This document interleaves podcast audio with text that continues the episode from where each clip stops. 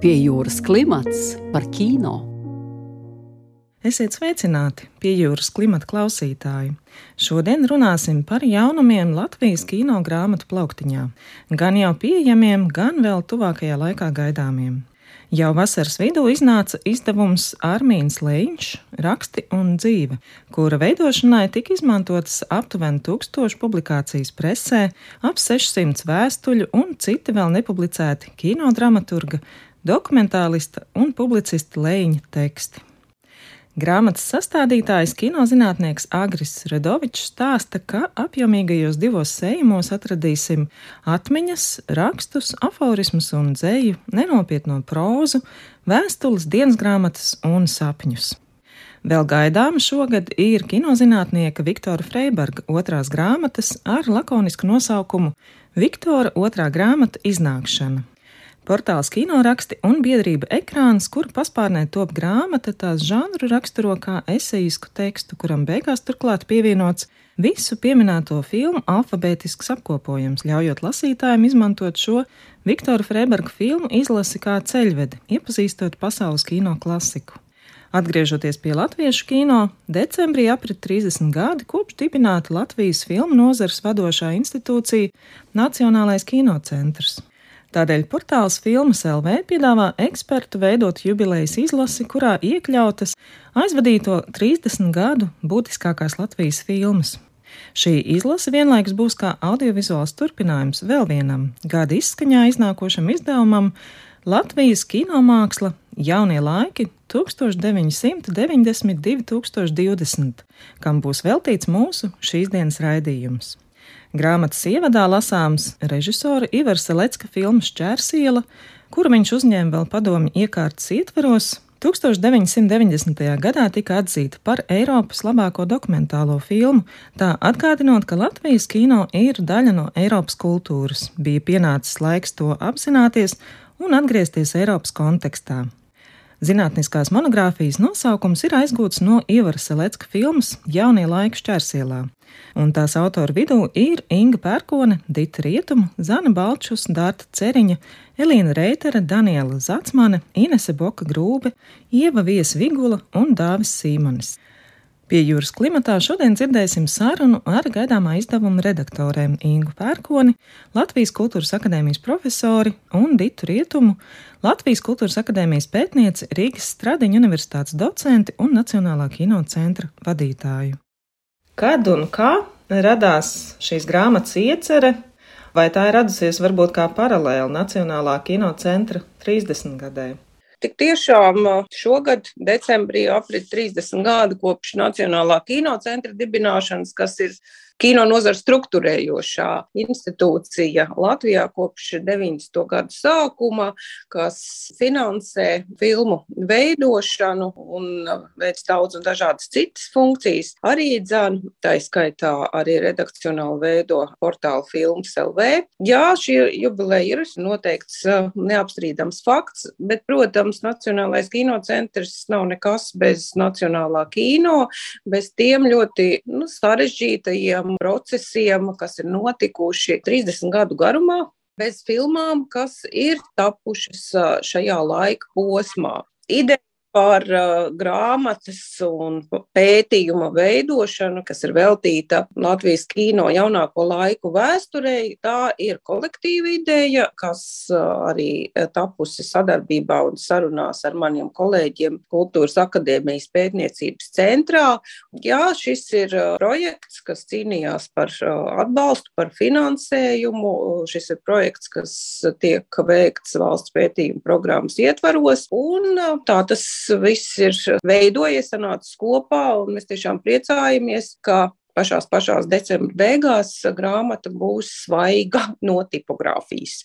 Tanī brīdī, kad uh, pavīdēja iespēja caur kultūras ministriju, ka tiešām būs tieši kultūras pētniecībai un mākslas pētniecībai paredzēts finansējums un uh, saistībā arī ar to, kāda tā programmas iecer bija, tad likās, ka tieši Latvijas uh, kino jaunāko laiku tāda vēsture, ka tā varētu tapt un ka tā būtu piemērota tai programmai. Pirms tam gribējās tādu Baltijas kino vēsturu un procesu apjēgsmi. Nu, šobrīd, jā, konkrētai programmai šis likās piemēroti un arī brīdis likās īstais, kad jau var apkopot to, kas ir noticis.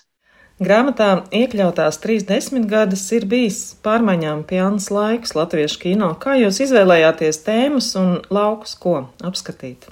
bija, protams, tie tematiskie lauki, kurus vajadzēja obligāti nosekt, lai vispār saprastu tos ļoti komplicētos procesus, kādiem ir gājis cauri Nacionālais kino pēdējo 30 gadu laikā. Gan arī, protams, ir katra pētnieka individuālās intereses, katra pētnieka vēlme iedziļināties tieši tajā vai citā procesā.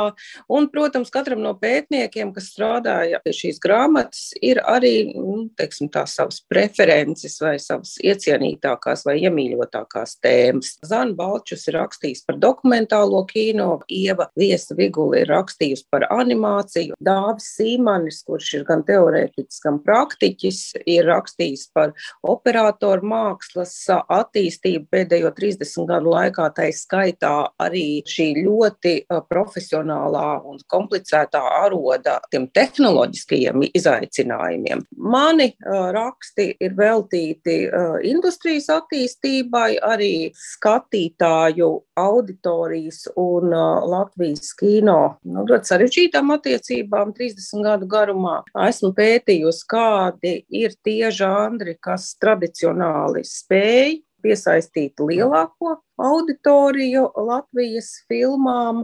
Esmu arī rakstījis par kino izrādīšanas un izplatīšanas īso vēsturi. Esmu rakstījusi par to, kas ir koprodukcija Eiropas kino kontekstā, un Latvijas kino ir Eiropas kino sastāvdaļa. Esmu rakstījis arī par simtgadus programmu, kas ir būtiska nu, šī perioda daļa. Protams, neviens izdevums nav pilnīgs, neviens pētījums nav visaptverošs, neviena grāmata nav visaptveroša. Un noteikti ir iespējams rakstīt vēl daudz un dikti arī par šo laika posmu, par šī laika filmām. Ir iespējams varbūt arī pedantiskāk un skrupulozāk analizēt konkrētu režisoru darbību, viņa filmu estētikas iezīmes. Taču arī šādi materiāli vai šādi vairāk režisoru portretējumu grāmatā ir. Tos ir veidojis Zana Balčus un Ieva Viesa Vigule un ir portretēti kā arī Inga Pērkone ir portretēti četri filmu režisori, kas katrs pārstāv noteiktu filmu veidu. Pētnieku prāta vai mūsu kolektīva ietvaros tika izspriests, ka tieši šie ir tie režisori, kuru daļradē pēdējo 30 gadu laikā ir īpaša dažādu iemeslu dēļ. Un šie režisori ir Ivars Seleckis. Viņš ir tas dokumentālā kino veidotājs, kas savieno šķietam šos vecos laikus, padomu laikus un mūsdienas. Viņš ir joprojām aktīvs, lieliski kā radošā formā. Viņš strādā pie savas kārtējās jaunās dokumentālās filmas. Viņš ir arī izveidojis vienu no veiksmīgākajām simtgadus filmu programmas dokumentālajām filmām turpinājums. Tātad šis ir iemesls, kāpēc portretēts ir Ivars Selēckis. Portreti ir veidot arī par Ivaru Zviedri, kurš arī piedāvā ļoti neparastu skata punktu uz savu dokumentālo filmu varoņiem un tas notiek jau arī vairākus gadu desmitus, kā animācijas kino visinteresantākā un arī izaicinošākā parādība ir portretēta Signe Baumane. Inga Pērkone ir uzrakstījusi arī spēļu filmu un dokumentālā kino režisoris Lailas Pakalnijas portretu, jo šī režisora apvieno gan spēles, gan dokumentālo kino, gan uh, nenoliedzami ir viens no visradikālākajiem autoriem Latvijas kino kontekstā. Tas, kas man, piemēram, šķitu, ka tomēr līdzās tiem trim kino veidiem iekļaut arī domāšanu par kino, tomēr apskatīties, kas ir noticis kino pētniecībā un arī kino analīzē.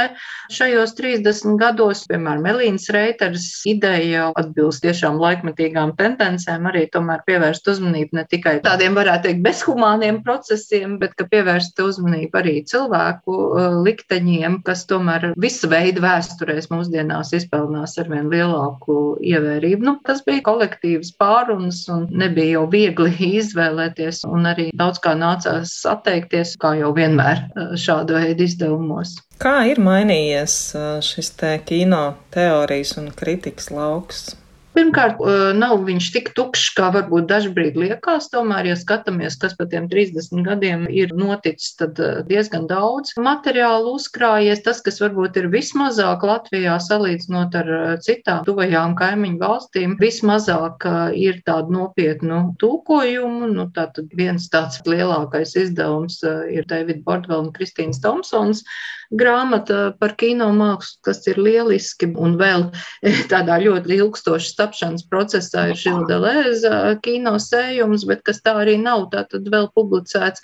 Bet principā mums tādu kino teorijas klasikas tūkojumu gandrīz nav, ja nu mēs nerunājam par kādiem atsevišķiem rakstiem. Un tas ir tas eh, lielais trūkums, tāda salīdzinoši populārāka literatūra, arī dažādu radošo personību portreti ir atrodami, ir, ir materiālu kopojumi, kaut kas jau ir eh, pa šo laiku tapis. Bija svarīgi arī to salikt kopā un paskatīties. Tā attīstība tomēr ir bijusi, ja mēs arī salīdzinām ar padomu laiku, un tas arī ir tāds paradoks, ka uh, padomu laikā, kad kino tika pasludināta par svarīgāko no mākslām, tomēr tādu kino teorijai un vēsturei veltītu izdevumu īstenībā ir ļoti, ļoti maz, ņemot vērā, ka tomēr bija gan finansējums, gan arī bija kino grupa, bet jāsaka, ka pat šajā laikā ir vairāk kas noticis. Apskatītais laika periods sākas 90. gadu sākumā, kad kino uzņemšanas sistēma Latvijā piedzīvoja krasas izmaiņas, un tā skaitā arī filmēšanas dokumentācijas prakse. Cik lielā mērā ir saglabājusies informācija par tā laika kino procesiem? 90. gadi ir ļoti komplicēts laiks Latvijas kino vēsturē. Tas ir laiks, kad faktiski sabruka vecā sistēma, tā sistēma, kādā tika ražotas filmas padomju Latvijā. Būtībā darbojās tikai viena galvenā studija, Rīgas kino studija. 90. gada sākumā finansējumu filmu ražošanai vairs Latvija nesaņēma centralizēti no Maskavas vai Maskavas kinematogrāfijas komitejas Un sekojoši Latvijas valstī bija jāmeklē stabi finansējuma avoti, bija jāmeklē nauda filmu veidošanai. Būtībā visu desmit gadu garumā tā ir cīņa par izdzīvošanu, cīņa par finansēšanu, pierādījumi, ka nacionālais kino ir absolūti nepieciešams. Nu, arī tāda diezgan pazemojoša ubagošana, nu, tā to nosacīti var teikt, mēģinot pārliecināt politiķus, jau neatkarīgās Latvijas politiķus, ka Latvijas kino ir nepieciešams. Šajā laikā top ļoti ierobežots filmu skaits, īpaši smagi tiek skārta spēļu filmu veidošana. Ir gadi, kad nav pirmizrādes nevienai filmai, ir gadi, kad viena filma tiek finansēta divu gadu ietvaros, un tikai viena spēle filma, tāda ir Aivara Freimaņa filma Līgsta, bet eh, šajā desmitgadē ir arī top arī pirmais blockbusters, um, atgriežas Jānis Streičs pēc ilgākas pauzes un uh, veidos savas filmas, un uh, arī šis ir laiks, kad uh, latviešu kino izdodas izlausties pirmo reizi savā vēsturē līdz Kanu kino festivāla oficiālajai programmai šajā festivālā festivālā nu, tiek rādītas divas gadus pēc kārtas, ka tiek rādītas Lailas pakalniņas filmas, gan dokumentālās filmas, gan pēcāk arī spēļu filma Kurpe. Nu, tātad uh, process uh, ir komplicēts. Atbildot ļoti precīzi uz uh, tavu jautājumu, jāsaka, ka tā dokumentācija, kas palīdzētu izzināt 90. gadu sākuma procesu, arī tur hauss ir skāris arī to, bet ir un paliek prese, ir un paliek paliek Nacionālās bibliotekas arhīvs kā tāds, un, protams, šie procesi ir nu, vismaz tādos lielos vilcienos restaurējami. Dokumentācija, protams, ir problēmas. Ir problēmas gan ar datējumiem, arī jautājums, ko tad uzskatīt, piemēram, par filmas gadu, ja, jo padomu laikā bija diezgan viennozīmīgi, parasti tas bija ražošanas gads, kas bieži vien arī sakrita ar pirmizrādes gadu, bet ja nesakrita, tad tomēr parasti filmogrāfi fotografijās parādījās tas ražošanas, ja filmas nodošanas laiks, tad tagad tas ir jau ļoti problemātiski. Un labi vēl, ka mums nebija šis Covid laiks tik daudz jāskar, ja, jo kā tur tās filmas datēt, tas vispār būs problemātiski, jo tomēr vairāk ir pierasts pēc tādiem pirmizrāžu datumiem skatīties, kad filmas tapušas. Ja. Tā kā viens ir, protams, tā datējuma problemātika un arī tas, ka nu nav tādas pilnas filmogrāfijas, un to mēs arī pavisam pilnu arī neiztaisījām, kaut arī sākumā mums bija tāda iecerē, bet sapratām, ka tam mums vienkārši pietrūkst spēku, ja pietrūkst resursu, tāpēc grāmatā būs filmu rādītājs, bet ne tāda pilnu filmogrāfiju, bet eh, vairāk, es domāju, pat netik daudz ar dokumentāciju un kādām pretrunīgām liecībām, kādas ir, bet eh, lielāks jau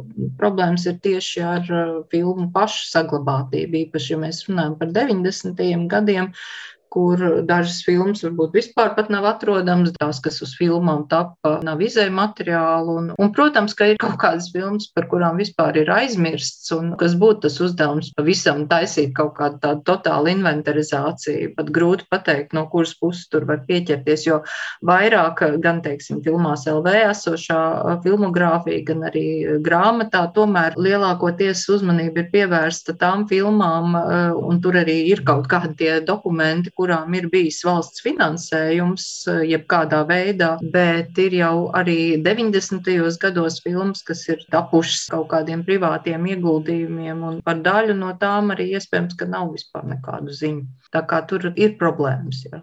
Atskatoties uz izdevumā aplūkotā laika perioda sākumu, tātad 90. gads, 91. 2. un salīdzinājumā ar šo brīdi, kā ir attīstījušies Latvijas kino narratīvi, ja mēs, teiksim, runājam tieši par jūsu rakstiem, kas ir veltīti valstiskuma idejai, kas ir veltīti sievietēm Latvijas filmetrāžu spēļu filmās? Neko daudz jau viņi tur nav attīstījušies. Jāsaka, narratīvi ir diezgan stabili, turās tādās eh, lielākoties patriarchālās tradīcijās. Iepriekš bija tā padziļinātāk, varbūt pievērsusies arī kādos citos eh, pētījumos tai nacionālajai melodrāmai, ja valsts tapšanas eh, melodrāmai, tad tiešām faktiski pirmā filma, kas mazliet ir pamainījusi, nu pat varbūt diezgan būtiski pat īstenībā varētu teikt, tā ir dvēseļu putenis, kas ir nu, tādu smagumu punktu no neatkarības kārajiem brīvības cīņām ir arī tomēr pārbīdījusi vai vismaz tādu līdzsvaru ieviesus eh, saistībā ar Pirmo pasaules karu un, un tieši ar strelniekiem, eh, tām kaujām, kurās eh, latviešu strelnieku pulki tika iesaistīti tādā kara reprezentācijā noteikti ir izmaiņas tomēr redzams. Jā, un skaidrs, ka nu, tas bezveļu putens, nu tomēr tur ir kaut kādas arī tieši ar, ar valsts izcīnīšanu, ja, bet nu kaut vai tādas filmas kā Pelnu sanatorija, kur nu tomēr parādās tas karš kaut kādā savādākā veidā, kas droši vien arī ir ietekmējis eh, dvēseli putenu. Jā, varam runāt, ka tas narratīvs mainās, bet eh, jā, arī par sieviešu stāstiem, nu, kaut kādas iezīmes ir, ļoti lēnas izmaiņas ir, bet tas, kas man šķiet eh, interesanti, ka Tieši filmetrāžas filmās tomēr tas notiek lēnām, jā, jo acīm redzot, kaut kā ir tas priekšstats, ja vispār, nu, ja viņi būvē filmetrāžas filmai, tur uzreiz jau ir tādi jau mm, gadsimtu garumā jau attīstīti dažādi sižeta pavērsieni un attiecību līnijas, bez kurām it kā nevar iztikt. Tad, nu, tādās īsmetrāžas filmās, bet tās arī būtu jāpēta. Es esmu tikai dažus piemērus izmantojusi, bet es neesmu arī pētījusi visas īsmetrāžas filmas, piemēram, piemēram, no tāda sieviešu stāstu e, aspekta, kas varētu būt ļoti interesanti, jā, un arī skatīties, piemēram, kā tie sieviešu stāstu dokumentālajās filmās parādās. Varbūt, ka tur arī ir daudz, e, varbūt vairāk tās brīvības atrodams, bet, jā, filmetrāžas narratīvu viņi ved uzreiz sev līdzi kaut kādas grūti pārkāpjams e, noteiksmes arī dzimumu atspoguļojumā. Tā kā lēnītēm viss ir mainījies. Nu pat mēs dzirdējām sarunu ar Ingu Pērkoni un Ditu Rietumu. Pie jūras klimata vadīja Sonora Broka un Monteja Judīta Bērziņa. Raidījums tapis ar valsts kultūra kapitāla fonda atbalstu.